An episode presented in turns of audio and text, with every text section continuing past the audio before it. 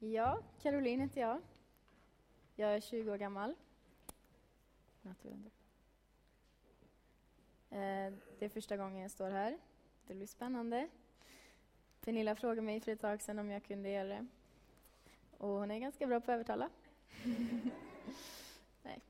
Det blir en utmaning. Det blir roligt. Jag har en överskrift. Man blir som man umgås. Kommer på väggen. Och jag har tre punkter, så jag tänkte att jag skulle gå igenom. Den första är att det finns två inställningar. Jag ska börja med att läsa från Bibeln, Bibel 2000. Fjärde Mosebok 13 och 2 till 4, Så hoppar jag till 26 och 34 också, om det är någon som vill följa med.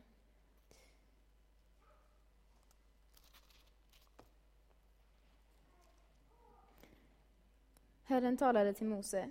Skicka några män att utforska kanan, det land som jag ska ge åt israeliterna. Ni ska skicka en från varje fädernestam. Alla ska vara hövdingar. Mose skickar då ut spanare från Paranöken enligt Herrens befallning. Alla var ledande män bland israeliterna. När 40 dagar gått återvände de efter att ha utforskat landet. De kom till Mose och Aron och Israels menighet i Kadesh i Paranöknen. De rapporterade till dem och till hela menigheten och visade upp vad som växte i landet. De berättade för Mose, vi har varit i land som du har skickat till oss. Det flödar verkligen av mjölk och honung. Se vad som växer där. Men folket som bor där är starkt. Städerna är stora och befästa. Vi såg till och med ättlingar till Anak där. I Megev bor amalekiterna, i bergsbygden hetiterna, jevuséerna och amarierna och längs kusten och vid Jordan bor kananéerna. När folket då vände sig mot Mose försökte Kaleb lugna dem. Låt oss dra ut och erövra landet, sa han. Vi rår på dem. Men männen som hade varit med honom sa, vi kan inte dra ut i strid mot det folket. De är starkare än vi. De spred falska rykten bland israeliterna om det land som de hade utforskat. Det land som vi har vandrat igenom och utforskat är ett land som förtär, förtär sina invånare och alla vi såg var storvuxna. Vi såg till och med jättar där. Då tyckte vi att vi var som gräshoppor. Det måste de också ha tyckt. Mose skickade alltså tolv män på Guds befallning, varav två av dem gav positiva rapporter. Och Det var Josua och Kaleb. Resten gav negativa rapporter. Josua och Kaleb de såg säkert samma sak som de andra gjorde, men de valde att se det med andra ögon istället. De såg möjligheterna. Läser man lite i fjärde Mosebok och Josua så kan man förstå att Josua hade varit en följeslagare till Mose ganska länge. Och Det är troligtvis därifrån han har fått sin inställning och sin tillit till Gud. Vi skulle kunna ta det till en situation i dagsläget. Vi har pratat en del om att bygga en ny kyrka. Och om jag skulle säga så här att eh, jag tycker vi börjar imorgon, vi drar igång. Vad blir din reaktion då? Blir det åh, lite jobbigt? Dyrt också? Eh, vi, vi skippar det. Eller blir det åh, spännande? Nya dörrar öppnas. Det blir kul. Det handlar om inställningen. Vilka har du runt dig? Vem formas du av? Det leder oss till nästa punkt. Hitta rätt förebilder. Man blir som man umgås. Och det skulle jag nog vilja säga att alla kan hålla med om, mer eller mindre. Josua hade Mose. Eh, och i fjärde Mosebok 11.28 så står det att Josua hade tjänat Mose från ungdomen. Vi ska kolla på lite olika förebilder man kan ha. Jag har tre olika exempel. Här kom det första. Förebilder bland dem man umgås med. Här är vi fyra tonårstjejer. Det var några år sedan. Otroligt att man kan säga så, men... vi eh, är ganska olika. Det kan man se på utseendet, för det första. En kort, en lång, en mörk, en ljus. Så var väldigt olika till personligheterna också. En var vild, en var lugn. En var rätt känslig av sig och en var lite galen. Men vi lärde oss väldigt mycket av varandra genom åren och vi hade varandra som förebilder. Och det har format oss till, till de vi är idag. Vi kan gå vidare till nästa förebild. Förebilder man känner till men kanske inte alltid träffar. Jag tänkte börja med Marcus Olsson, längst upp till höger. Det är en, eh, han kallar sig gatupastorn. Han är skön tycker jag och han har sagt mycket bra saker genom åren. Och han träffar jag ju inte särskilt ofta. Men han är ändå en förebild. Sen har vi lite församlingsmedlemmar också. Typ Pernilla som alltid hon vågar stå upp för sina åsikter. Och David som faktiskt tar sin gåva på allvar och förenar det med sin tro. Han kanske inte ser så allvarlig ut på bilden, men... ja.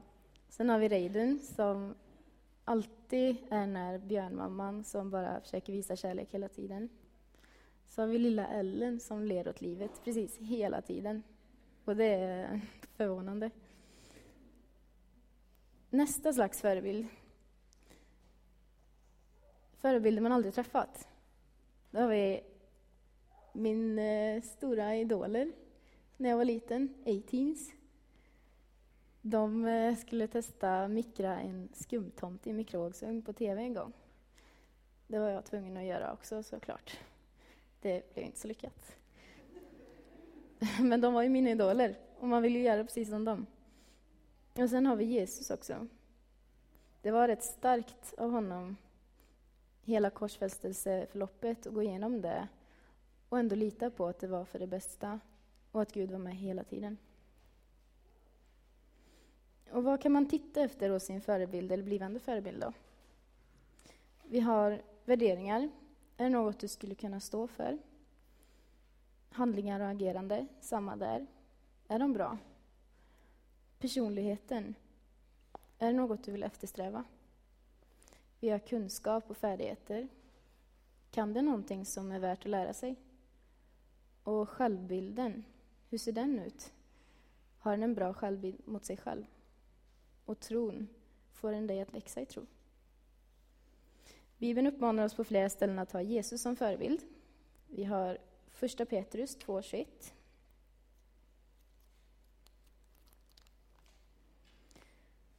Det är vad ni har kallats till, ty också Kristus led för er skull och gav er ett exempel för att ni ska följa hans fotspår. Sen har vi Filipperbrevet 2.5 också. Låt det sinnelag råda hos er som också fanns hos Kristus Jesus. Jag tänkte göra ett litet test. Det kommer upp en bild på väggen. Ja. Det funkar på några. det blev lite gäspningar här. Jag har alltid velat testa det sedan jag såg din bok. Jag tror det var 100 101 saker att göra under en tråkig predikan, tror jag den hette. Eh, det passar ganska bra in på min predikan, om man tänker på det jag ska säga snart. Vi påverkar varandra när vi ser varandra, även om vi inte tänker på det. Typ som här. Vi påverkades av att vi såg någon annan gäspa. Och har man läst lite och hört om vem Jesus, vem Jesus är och vad han har gjort, så kan vi förstå att han är en bra förebild. Men han är ju inte här just nu, så vi kan se honom med våra egna ögon. Och hur ska vi läsa, då? läsa det då, tänker vi? Det leder oss till nästa punkt. Vad är en förebild? Det jag kommer försöka komma fram till nu är alltså, om Jesus inte är här, så behöver vi ha någon som är lik honom här. Och liknar vi Jesus så påminner vi varandra om hur vi ska vara lite... In, vi kan aldrig ersätta Jesus, men vi kan ändå påminna om hur han skulle vara om han var här. Så hur blir vi lika Jesus? Jo, vi umgås med honom och med folk som är lika honom. Ja, men jag är inget att skryta med, kanske du tänker då.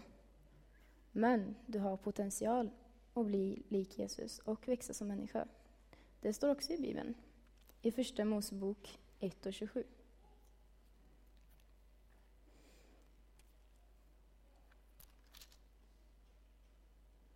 Gud skapade människan till sin avbild. Till Guds avbild skapade han henne. Som man och kvinna skapade han dem. Vi är alltså skapta till Guds avbild. Det är ganska häftigt egentligen. Vi har fått känslor, precis som han har. Och en hjärna, om han nu har det, men han kan i alla fall tänka. Uppenbarligen. Och vi är inte bara köttfärslimpor, som Marcus Olsson skulle säga.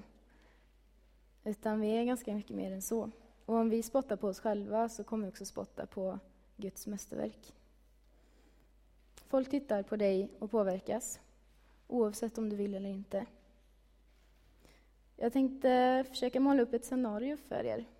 Och då vill jag att alla ska blunda och tänka själva. Tänk dig följande. Du sitter i en bänk eller på en stol. Du är på något slags möte, kanske för ungdomar, en bönering, här på söndagsmorgonen, en konsert, eh, och det kanske är bön, någon som pratar, sjunger, lovsjunger eller något annat. Vad ser du framför dig? Hur reagerar du? Vad får du för känslor?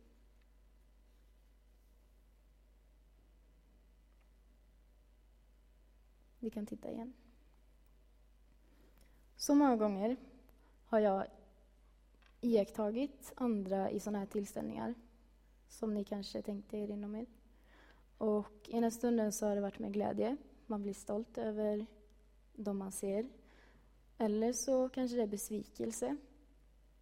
Och sen kommer man på sig själv att jag kanske inte ska bry mig om vad de andra gör ändå. Jag kanske jag borde kanske tänka bort alla och försöka bara vara istället. Och frågan är, är det bra eller dåligt att tänka på hur alla andra agerar? Vi har ett bibelställe som talar lite om det. Matteus 7 och 3 till 4.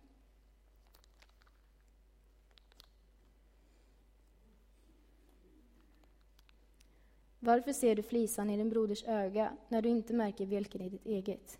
Och hur kan du säga till din broder, låt mig ta bort flisan ur ditt öga, du som har en bjälke i ditt? Vi är inte här för att döma, och det ska vi inte göra heller. Jag tror det kan vara bra att se på varandra när det bygger upp oss tillsammans. Men vi ska, vi ska akta oss för att döma varandra, för vi vet inte allt om varandra heller och varför vi agerar som vi gör. Jag har tänkt på att vi är inte jättebra på att visa öppet i vår församling när vi växer i tron för varandra. Det kan vara lite läskigt. Och jag tror det handlar lite om jantelag också. Man vill inte sträcka upp handen om ingen annan gör det. Man vill inte sjunga om man sjunger lite halvtaskigt. Man eh, vill inte stå när alla sitter ner. Man vill inte sitta när alla står upp heller. Och ja, det blir en enda röra egentligen. och helst ska man säga nej en gång när man blir tillfrågad någonting som är lite läskigt. För det är inte för coolt att vara för på. Och det är ju lite läskigt också. En rädsla som jag tror kan finnas är att man inte vill få en stämpel på sig eller om man vill testa på någonting som man inte har gjort förut. Så är man rädd för att få en stämpel att ja, men det, det är Carros grej det där med att spela orgel. Vi borde använda henne så mycket vi bara kan. Och det kanske inte alls var meningen. Det kanske bara var ett steg i min växande process. Och det är en balans där. Vi måste lära oss att både uppmuntra varandra när vi testar nya saker, men inte göra för stor grej av det heller. Jag har pratat med vänner, inte bara härifrån, som upplever att det känns lite jobbigt att vara frimodig inför sina föräldrar. Och jag kan hålla med. Eh, vi är inte dumma, vi vet att ni är stolta som aldrig förr. Eh, men ändå så kan det ta emot och det känns ju som att det är något fel där.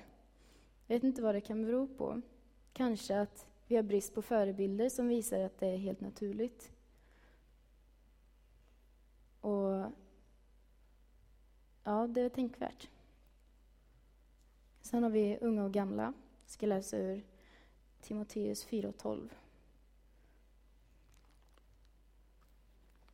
Låt ingen se ner på dig för att du är ung, utan var en förebild för de troende i allt du säger och gör, i kärlek, tro och renhet. Läs högt ur skrifterna, förmana och undervisa tills jag kommer. Ta vara på den nådegåva du har, den som du fick när profetior utpekade dig och de äldstes råd la sina händer på dig. Tänk på detta, lev i detta, så att alla ser dina framsteg. Ge akt på dig själv och din undervisning. Stå fast vid detta, ty gör du det räddar du både dig själv och de som lyssnar på dig. Vi kan vända på det också. Låt ingen se ner på dig för att du är gammal, utan var en förebild för de troende i allt du säger och gör, i kärlek, tro och renhet. Läs högt ur skrifterna, förmana och undervisa tills jag kommer. Ta vara på den nådegåva du har, den som du fick när profetior utpekade dig och de äldstes råd la sina händer på dig. Tänk på detta, lev i detta, så att alla ser dina framsteg. Ge akt på dig själv och din undervisning. Stå fast vid detta, ty gör du det räddar du både dig själv och de som lyssnar på dig. Timoteus fick de här orden för att de äldre inte riktigt vill lyssna på honom i församlingen. Och jag tror att vi kan vända på det också, att de äldre behöver också tänka på hur de gör för att vi yngre ska lyssna på dem.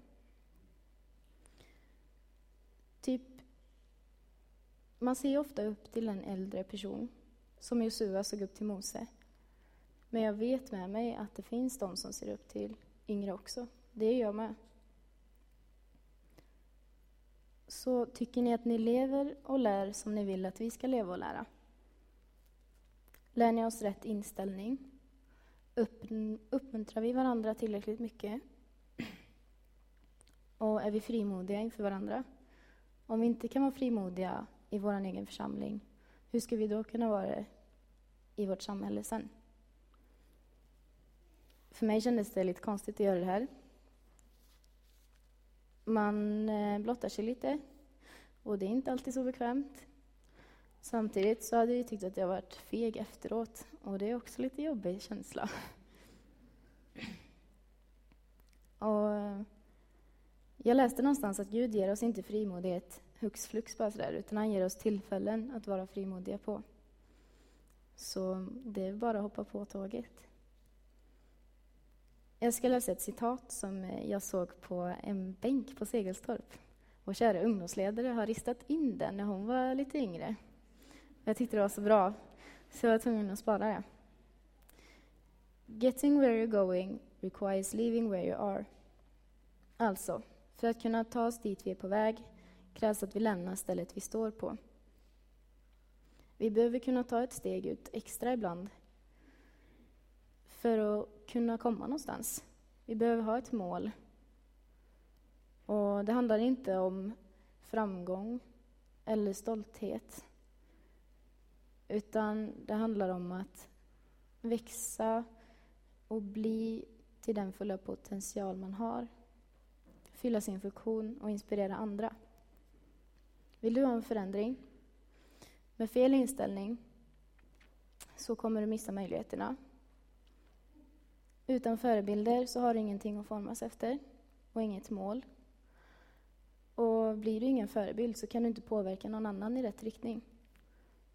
Så istället för att vara rädd för att folk tittar på dig, för det kommer de göra i vilket fall, så utnyttja det till en fördel och ändra, för att in, ändra på inställningar. Skaffa dig förebilder. Var en förebild.